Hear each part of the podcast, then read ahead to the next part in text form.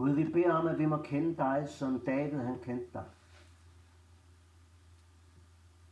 Når han bad, kast mig ikke bort fra dig. Og tag ikke din hellige ånd fra mig. David kendte dig som en Gud, der uden personsansættelse kunne kaste selv ham bort fra dig. Herre, jeg beder om, at vi også må kende dig som David. Også i lyset af dit ord. Og også der må bede med David. Lad mig der frydes over din frelse. Og styrk mig med en villig hånd.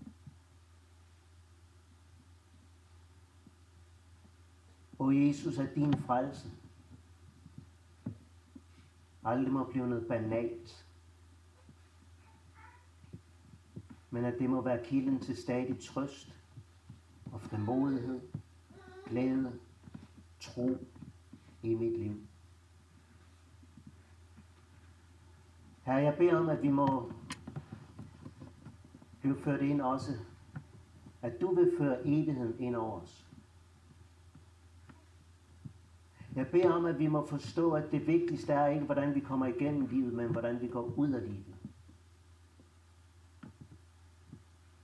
Jeg beder om, at vi må være et folk, der lever i erkendelse af, at det vigtigste, det er evighed. Og livet her, det er så kort. Må vi være et folk, der er mærket af, af evigheden. Amen.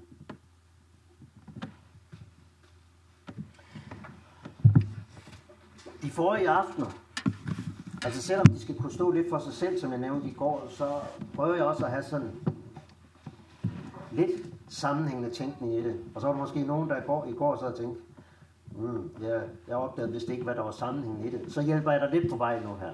Første aften, der var vi jo sammen om Kolossenserbrevet 2, hvor vi blandt andet standser op for det her udsagn, sig til, at ingen fanger jer. Fanger jer på sådan en måde, at du bygger dit liv på alt muligt andet end på Kristus. Og det at han er død for vores sønder, at han slettede gældsbeviset, At vi har gjort levende sammen med ham, da han tilgav os. Se til, at du ikke bliver fanget ind af alle mulige andre tanker, der fører dig bort fra den virkelighed. Første aften. Anden aften gik vi så lidt videre i forhold til det her med, at det var salme 143, at fjenden forfølger min sjæl. Og stadigvæk lidt det her øh, kampperspektiv. Der er nogen, der forfølger mig. Fjenden, og vi så også på det her, fjenden den værste har jeg døbt i min egen barn. Og hvordan David i den salme beder om at blive ført ud af den her nød i din retfærdighed. Afslutningsvis pegede vi på øh, Guds retfærdighed, som kommer til udtryk ved, både ved hans blod, at vi er retfærdiggjort i kraft af hans blod, men også i kraft af hans lydighed. Det var da jeg havde to citater fra Romerbrevet 5, 9 og 19. Så før, før mig ud af nøden i din retfærdighed. Også fra de fjender, som forfølger min sjæl. Det var anden aften. Så pegede vi i går på, hvordan disse, som i deres fattigdom, også fattigdom fra sit eget hjerte, stengrunden i mit eget hjerte, disse fattige i ånden, som er salige ved troen på Jesus alene.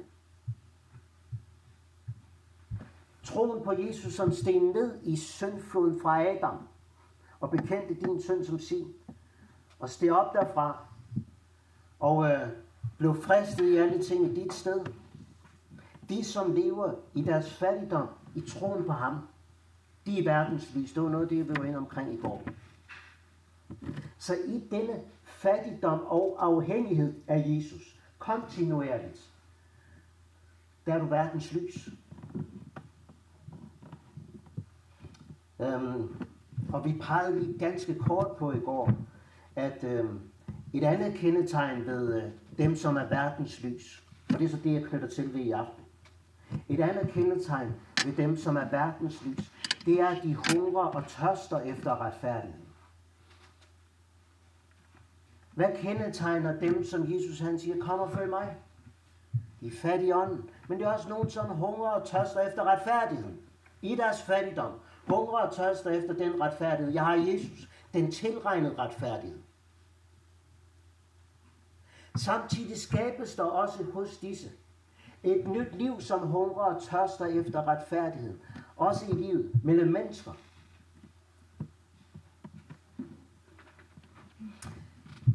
Jeg synes, at Rosenius, han, øh, han får sat nogle gode ord på det her. Og en hjælp til ligesom at, at øh, holde tingene klart. Det gør han i en andagt til den 18. august. Der taler han om højtidsklæder og hverdagsdragt. Og jeg synes egentlig, de to begreber kan vi godt bruge her, når vi taler om at hungre og tørste efter retfærdighed. Så er der en retfærdighed, som vi kan forbinde med højtidsdragten. Det er den tilregnede retfærdighed. Så er der også hverdagsdragten over for mennesker. Denne hunger og tørst efter også at leve i retfærdighed i din hverdagsdragt over for mennesker. Du som tror på Jesus, det er jo sådan, at den hellige ånd, nådens ånd, som har taget bolig i dit liv ved troen på Jesus, det er jo ikke en død ånd. Ånden er liv og bringer liv. Og det er jo et liv af en helt anden verden. Og det dette liv er en helt anden verden. De salige også hungrer og tørster efter at leve ud i livet.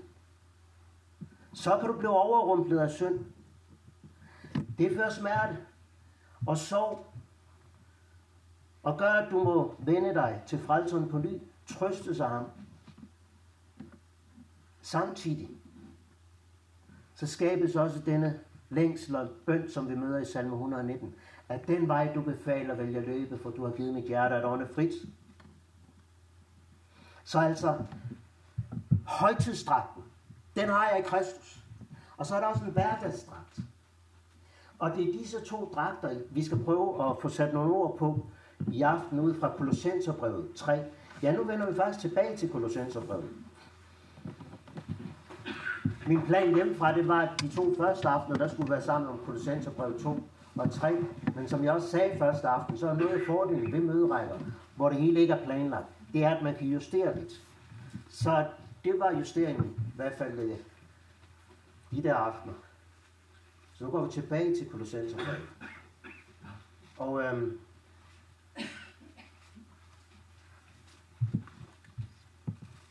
der møder vi det her liv af en helt anden verden. Nemlig livet fra himlen. Prøv at lægge mærke til, hvordan kapitel 3 begynder. Når I nu, det minder jo om det, som han sagde også i kapitel 2, vers 6. Når I nu har taget imod Kristus Jesus Herren, så lev i ham. Det var det, vi var inde omkring første aften. Det kommer så igen her i kapitel 3. Når I nu er oprejst med Kristus, ja hvad så? Så søg det, som er i himlen. Læg mærke til, hvordan Paulus han kredser om det, som er i himlen, og vil have dig til også at kredse om det. Søg det, som er i himlen, der hvor Kristus sidder ved Guds højre hånd. Tænk på det som er i himlen. Og altså, det er ikke bare lige sådan en flygtig tanke, men det er noget med at lade dit sind dvæle ved det, som er i himlen, og ikke på det jordiske. Hvorfor skal vi det? Jo, fordi når du tænker på det, det som er, når du tænker på Kristus,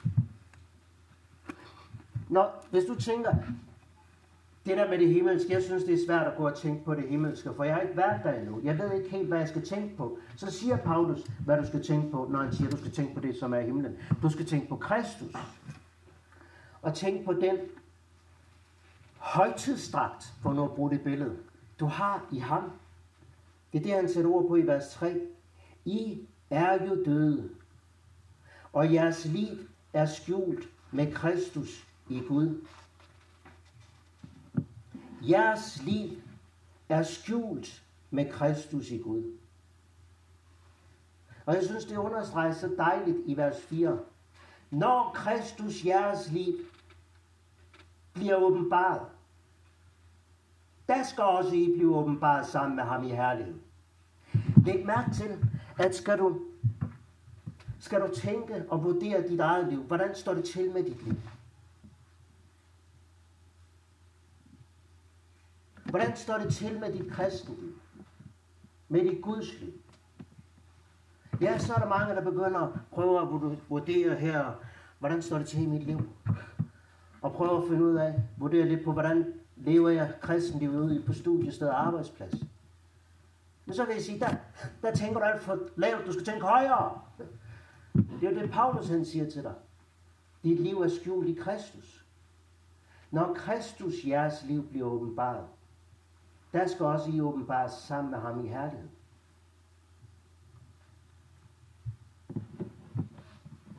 Det vil sige, der er ikke noget herligt over dig endnu. For herligheden, den er skjult. Det er jo sådan i skriften, at over alt herligt, der ligger der et dække. Det gjorde der i tabernaklet. Det fineste og ædelste. Det var egentlig det allerhelligste. Men jo længere man kom ud, jo, jo mere skjult blev det.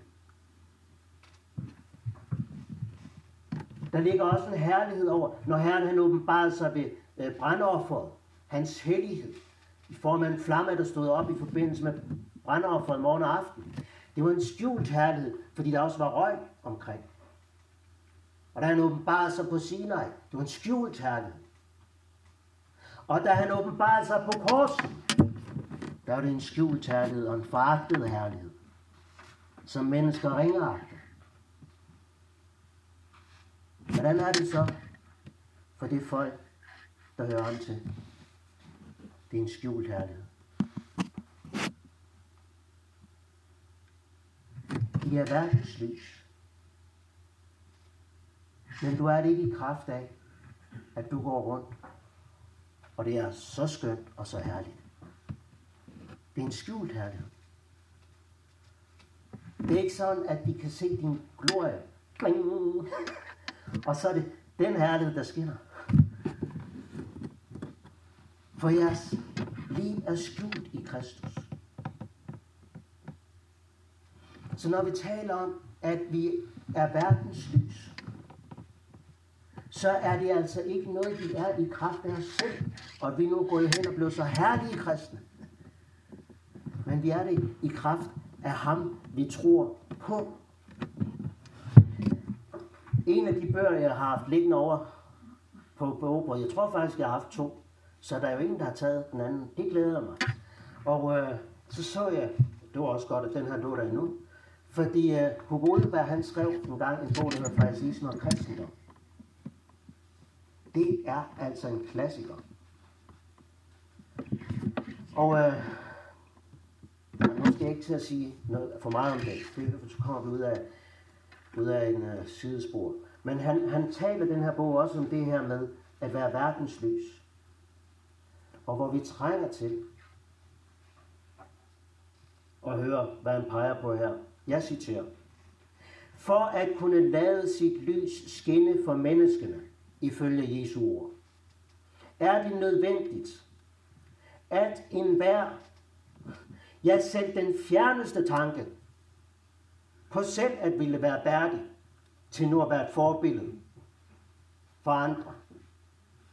En hver sådan tanke må være fuldstændig fremmed. En hver tanke på, at du ved din handling skulle kunne gøre et fordelagtigt indtryk på andre. En hver sådan tanke må være fuldkommen fremmed. Fuldkommen fremmed. Jeg tror, at der er mange af jer, der nu sidder og undrer over, hvad er det der for noget? Hvis vi skal være et lys, så må enhver tanke på at være et lys være fuldkommen fremmed. Det er det, han siger. En hver tanke på, at du vil prøve at gøre et fordelagtigt indtryk på andre. Således at de kan se noget herligt ved dig. Sådan en tanke må være fuldkommen frem. Hvorfor det? For hvis den ikke er det, så ender du dit liv i farisisme. For der begynder du jo at leve dit liv for menneskers ansigt, for studiekammeraternes ansigt, for kollegernes ansigt. Jeg skal jo gøre et fordelagtigt indtryk. Og så er det det, du spejder efter. Ligesom farisæerne. Det er derfor, han siger sådan en tanke på at være fuldkommen fremmed. Du lever ikke dit liv for andre menneskers ansigt. Du lever dit liv for Guds ansigt. Der, hvor du dag for dag synger nu lov og pris, jeg ved ej mere. Alt er færdigt. Så går du rundt i denne troens vis. Vidshed om det, som gælder i himlen, hvor Kristus sidder. Han er dit liv.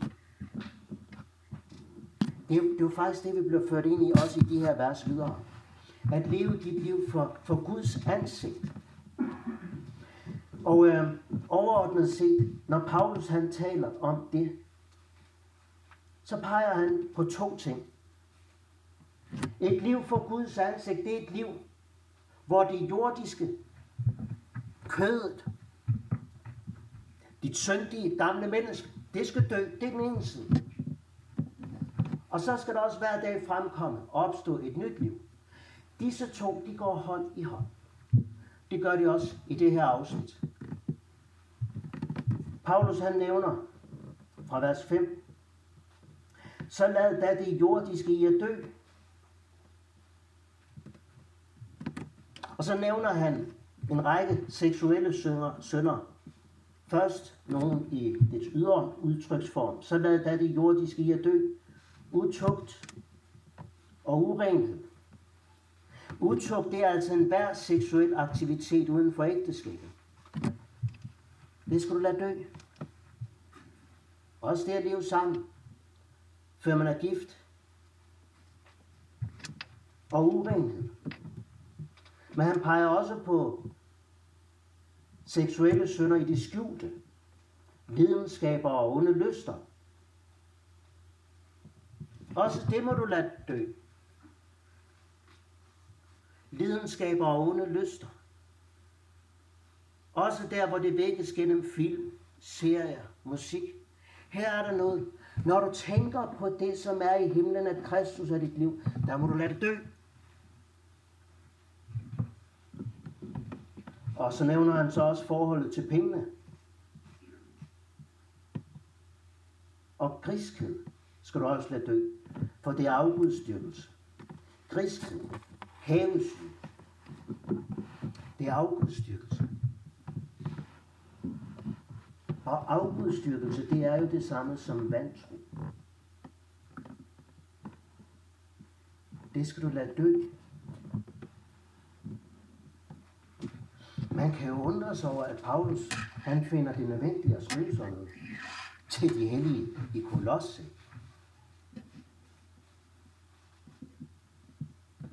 Nej, det skulle vi egentlig ikke undre os over. For Paulus, han kender os. Og her møder vi det der bibelske princip, at vi som kristen er samtidig retfærdig, hellig i Kristus. Men også samtidig sønder i os selv. Det møder vi jo her. Og dette syndige, jordisk, det skal du lade dø.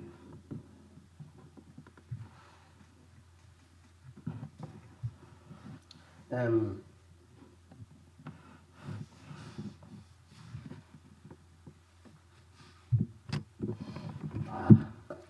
står lige over, om jeg skal have et citat med herfra. Øhm, det skal jeg.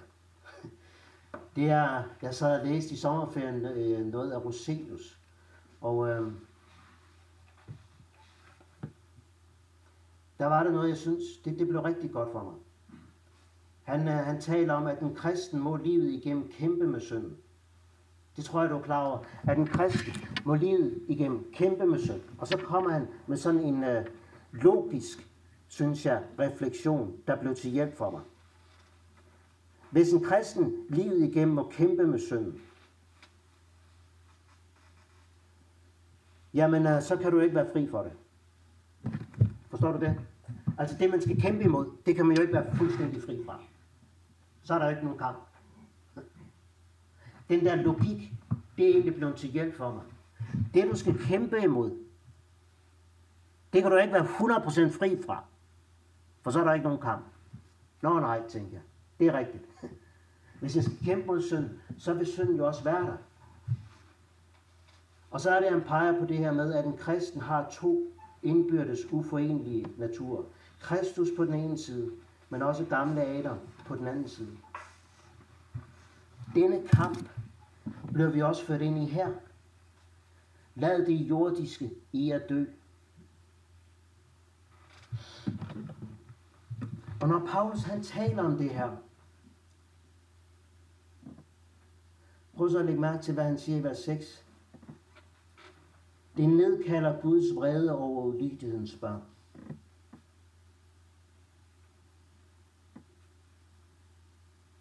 Det nedkalder, nedkalder, nedkalder, nedkalder Guds vrede, når du lever i disse ting. Jamen nu står der jo over ulydighedens børn. Der sad jeg dag og tænkte på, hvorfor nævner Paulus det her?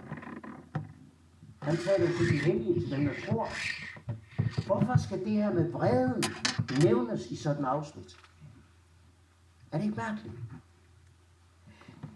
Det nedkalder Guds vrede, disse ting.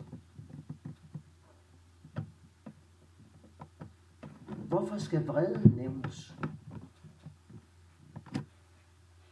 Over for dem, hvem Kristus er deres liv. Det undrer mig i dag. Jeg har prædiket over den her tekst før, men jeg har ikke, jeg har undret mig over det, og det gjorde jeg da Hvorfor det egentlig? Og så kom jeg til at tænke på en artikel, jeg har læst for mange, en del år siden. Det er en artikel, som Erling Udnem, han skrev for mange år siden og blev trykt i budskabet LM's blad omkring Martin Luthers syn på helvede. Martin Luther syn også på Guds vrede. Hvor han siger, når Gud vil føre os til himlen, så fører han os først til helvede. Når Paulus vil have dig til at tænke på det, som er i himlen, så minder han dig også om Guds fred. Hvorfor det? For der kommer jeg ind og stå for Guds ansigt. Med min synd på det seksuelle etiske område.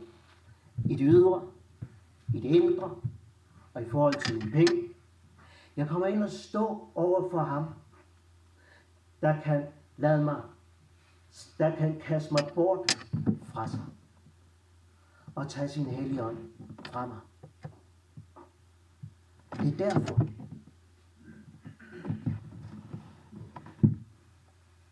Luther han peger videre på, at denne helvedesberøring, som man kalder det, og der peger han også på, at helvede, det er jo, det er jo ikke satans domæne. Helvede er ikke satans domæne. Det er faktisk paradoxalt nok en side ved Guds rige. Nemlig Guds vrede og Guds forbandelse. Og der siger han så, at der hvor anfægtelsen kommer ind i dit liv, anfægtelsen, den erfaring synderen gør, når loven rammer samvittigheden, den kalder han en helvedesberøring. Altså en berøring med Guds vrede. Det er det der spændingsfelt. Jeg får brug for os at tænke på, Kristus er mit liv. Også i dag.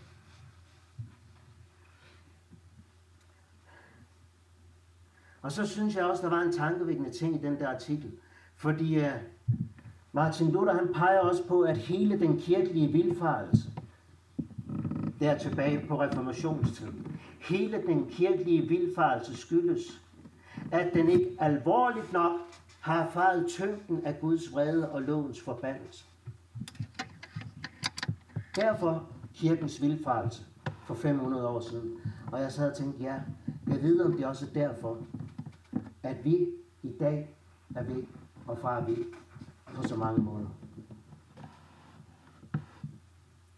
At vi ikke alvorligt nok har erfaret, at disse ting nedkalder Guds vrede i og over dit liv. Dommen, siger han, har aldrig fået akut helvedes karakter for dem. Øhm, det, der menes her, det er, at dommen er aldrig blevet en aktuel virkelighed. Det er noget, man tænker ud i en fjern fremtid. Og der, hvor man tænker sådan, der bliver frelsesspørgsmålet heller ikke noget, som er aktuelt. Det bliver noget banalt, noget selvfølgeligt. Og en sidste citat. Korsets teologi kan alene det menneske lære, som har stået over for vredens Gud og lært at råbe, ved mig, jeg er fortabt. For mig at se, så er det jo Paulins kristendom.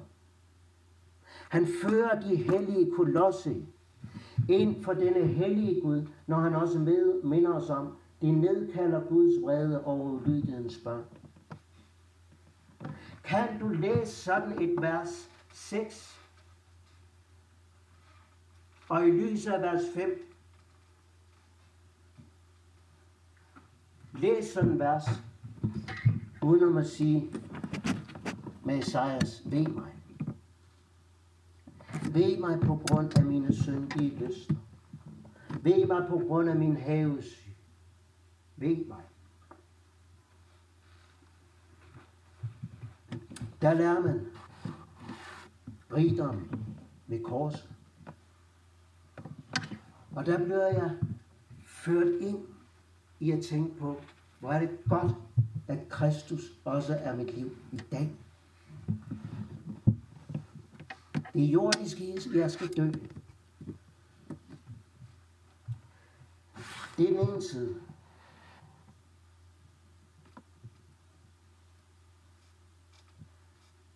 Men det, det er ikke bare sådan noget.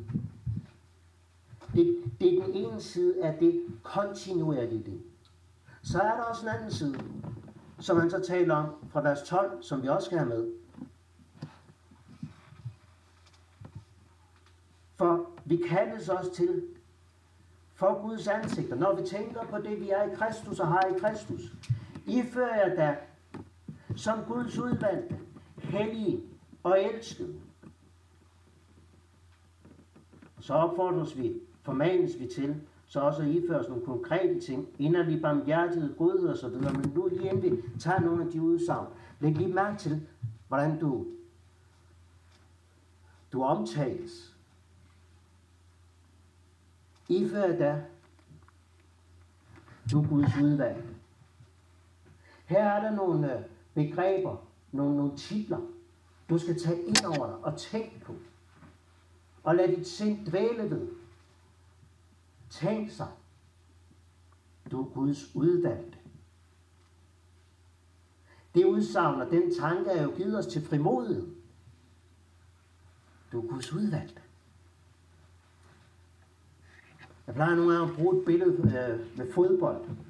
Når at, øh, men øh, da jeg var mindre og skulle spille fodbold enten på skolen eller efterskolen eller lejre og sådan, så var det jo ofte sådan, at de bedste drenge, de skulle jo de skulle vælge hver sit hold. Og øh, det var aldrig mig, der skulle stå der og vælge ud. Det har jeg tit undret mig Nå, men det var, det var så nogle andre, der fik lov til det der. Og det er jo altid spændende, når sådan de der skal sætte et hold. Også spændende, hvor, hvor langt hen i rækken, før jeg bliver udvalgt. Og det er dybt smerteligt, når man så står der som en af de sidste. Fordi den der udvælgelsesproces, det er jo efter kvalifikationer. Det er langt, langt mere pædagogisk. Når vi er til idrætsteamen, så er der en lærer, der siger 1, 2, 1, 2, 1, 2.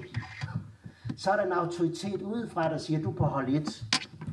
Langt mere befriende, fordi så er det ikke på grund af kvalifikationer, så er der en autoritet udenfra. Overført på det åndelige liv. Du er Guds udvalg. Der er en autoritet udefra, der siger, at ved troen på Kristus, du som er døbt til ham, og du som tror på ham, du er Guds udvalgte. Og for at bruge fodboldbilledet, så siger han til dig, det kan godt være, at de fleste mål, du scorer er selvmål. Men hvad, det betyder ingenting. For ansvaret for det, du er og har gjort, og også selvmålene, de er lagt på Kristus. Så fortsæt. Kan du mærke, jeg er frimodighed. Jeg er Guds udvalg. Du er på Jesu hold. Tænk på det. Jeg kan se det på dig. Det giver dig frimodighed. Så lad dit sind dvæle. Så er du også Guds hellige. Det er også noget af næres til. Udskilt fra og indvidet til helligt brug. Og jo mere du tænker på det, og lad dit sind dvæle ved, jeg er for Jesus skyld Guds udvalgte, vil jeg sunget det. Min hellighed har han i sig. Jo mere du tænker på det, jo mere må du afsky utugt, urenhed, lidenskab, ond lyst. Jeg kan ikke være i det, for jeg er i Kristus.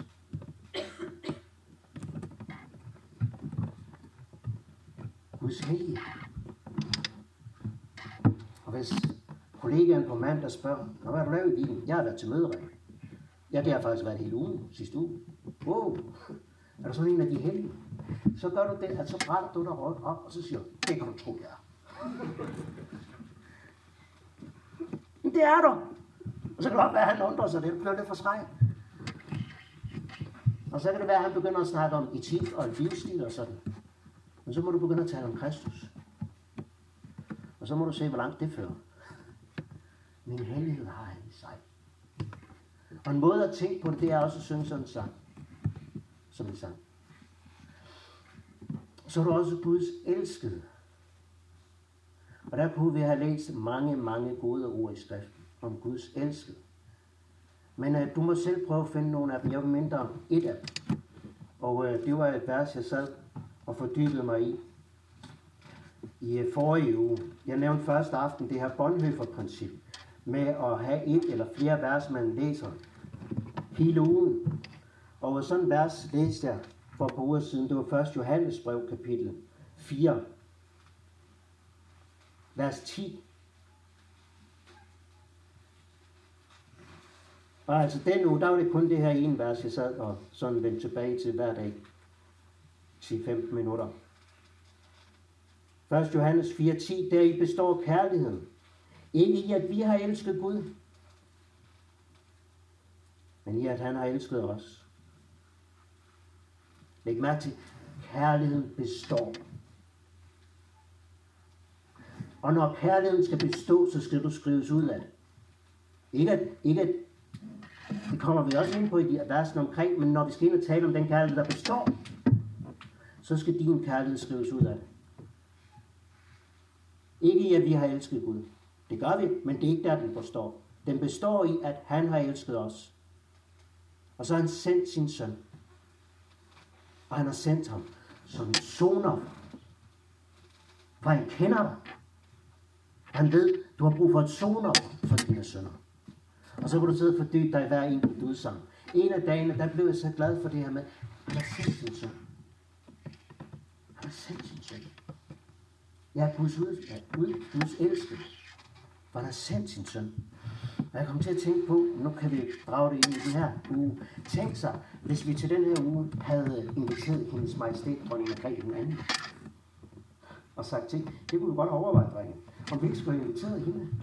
Og sagt, nu er I velkommen, vi har sådan en møderække her. Hvis hun så har sendt en mail tilbage og sagt tak for invitationen, jeg kan desværre ikke komme, men jeg sender min søn. Kronprins Frederik. Okay. det er nok. Så vil jeg kigge forbi dig. Og jeg er sikker på, at alle jer, I vil tale om, at kronprins Frederik, han var her i næste uge. Han var til vores møderække. Og det synes jeg også godt, I må. Men Gud, han har sendt sin søn. Jeg ved godt, at vi ikke følelsesmæssigt kan komme lige så højt op og ringe som kronprinsen, fordi det andet, der er det, jeg du tænkte, at han har sendt sin søn, det vi vant. Så jeg prøver ikke at skabe den der følelsesmæssige begejstring, fordi vi er så vant med. Men det er troen, jeg vil taler til. Troen griber om den virkelig. Han har sendt sin søn. Kan jeg virkelig være sikker på, at Gud elsker mig, når jeg har det som, han har sendt sin søn. Men hvor lang tid kan han blive ved med at elske mig, når jeg er som, ja, han har sendt sin søn. Der i består kærligheden. Tænk på det. Guds udvalg, Guds hellige, Guds elskede. Så er tonen og fundamentet lagt. Du blev så kaldet til at iføre dig inderlig barmhjertighed, godhed, ydmyghed, vildhed, tålmodighed. Til at bære over med hinanden. Og tilgive hinanden, hvis den ene har noget at bebrejde den anden. Læg mærke til det. Sådan er det også blandt Guds folk. Vi har brug for hinandens tilgivelse. Når den ene har noget at bebrejde den anden. Over alt dette skal I føre jer kærligheden, som er fuldkommenhedens bånd. Sådan afsnit her, dem skulle du tage os og bede over. Og bede om åndens vejledning. Hvad kalder du mig til i forhold til min hverdag, dem jeg er sat i blandt? Inderlig barmhjertighed, godhed, ydmyghed. Bed om åndens vejledning. Nu her har jeg lyst til bare at komme med et enkelt, et enkelt eksempel på det her med inderlig barmhjertighed. Ordet barmhjertighed, det er jo et udtryk for, at man ser en andens nød, og lægger denne nød på sit selv, med henblik på handling. Man ser, hører en andens nød, lægger den på sit sind, med henblik på handling. I jeg inderlig barmhjertighed. Jeg synes, jeg mødte et stærkt vidnesbyrd og eksempel på det her. Det er mange år siden, der var jeg til en møderække et andet sted i landet. Og øh, en aften, der kom der en på besøg, som de andre i forsamlingen kendte. Hun, øh, hun kom ikke normalt der, men i sin barndom havde hun boet der i den by. Og hun har været, kom ikke fra et kristen hjem, men var blevet slæbt med til juniorklub. Og når jeg siger slæbt, så er det fordi, at der var en af lederne der, der havde hentet og bragt hver dag, eller hver uge. Og øh, hun kom til møde der. Jeg havde fået at vide inden mødet, at, at der vil komme en tilbage fra juniorklubben, hun kom til møde. Og da jeg så hende, så tænkte jeg, hun må have haft det svært Også på grund af et handicap.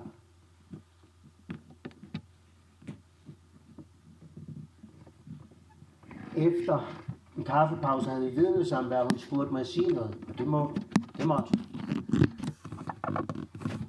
Og så begynder hun at fortælle om, hvordan det var for hende at øh, komme til, til juniorklub. Her. Og øh,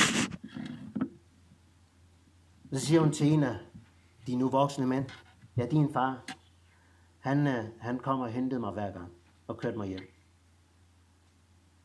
og fortalte om, hvor, hvor meget det betød for hende.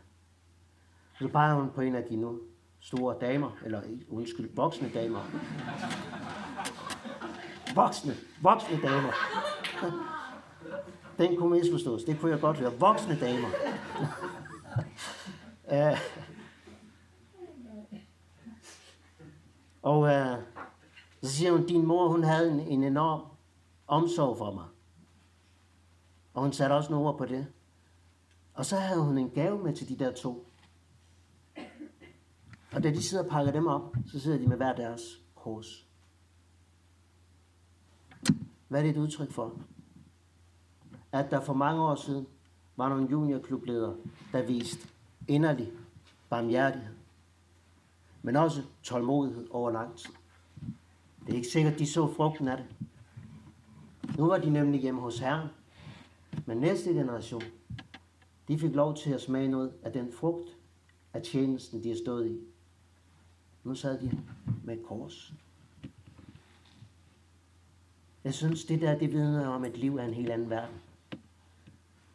Der er nogen, der har fundet i Kristus af mit liv. Så nu investerer livet her på inderlig barmhjerte, tålmodighed. Hvis det er juniorklub, så er det juniorklub. Hvis det er børneklub, så er det børneklub. Eller hvor nu herren kan dig. Forunderlig virkelighed. Og man må spørge, hvor kommer et sådan liv fra? Af en helt anden verden. Hvor kommer det fra? Jo, ved at du tænker på det, som er i himlen. Hvordan gør jeg det? Så skal være det de sidste ord med her i afsnittet.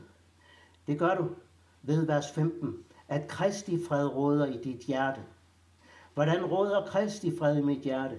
Det skal være 16 ved, at Kristi ord bor i rigt mål hos jer. Læg mærke til den sammenhæng. Kristi fred. Kristi ord. Og nu bliver det så knyttet sammen med undervis og forman hinanden med visdom, med salmer, hymner og åndelige sange. Det der det er overskrifter for salmernes bog. Dette liv er en helt anden verden. Kommer et Kristi fred gennem Kristi ord, som blandt andet er salmerne, råder i mit hjerte. Jeg hører Jesus til. Han er min fred. Jeg har fred med himlens, den hellige, hellige, hellige. Han er mit liv. Og så opmuntres vi også hertil at undervise og formane. Formane kan også betyde opmuntre hinanden med sådanne ord. Og derfor er jeg egentlig glad for, at vi også her bagefter en pause har mulighed for det. Håber, at nogen af jer vil være med til det. Ræk os et ord til hinanden. Det kan være, at du med sådan et ord er med til at lade Kristi fred råde i vedkommens hjerte. Det er sådan, dette liv er en helt anden verden for lov og råde. Og så til sidst, læg mærke til i de her par vers, hvordan ordet tak indgår tre gange. Sidst i vers 15. Vær taknemmelig. Sidst i vers 16. Syng med tak i jeres hjerte til Gud. Sidst i vers 17. Gør det alt sammen i Herren Jesu navn og sig Gud Fader tak ved ham. For gennem takken, tak, tak, for hvad jeg er og har i Kristus. Gennem at synge sangen, tak, nu lov og pris, jeg ved ej mere. Gennem denne tak, der griber troen om det, som er i himlen. Gør det i al din gerning. Jeg hører Jesus til. Et liv er en helt anden verden. Et liv, der således vidner om Kristus er min. Herre Jesus, vi takker dig for dit ord. Takker dig for det ord, som både er dommer over hjertets tanker og meninger, men også dette ord, som leder os til tro og frimodighed og fred i Jesu navn. Herre, vi beder om, at dette ord altid må få lov at gøre denne gerning i vores liv, så at vi må blive bevaret hos dig, Jesus, til vores sidste dag. Herre, hør vores bøn. Amen.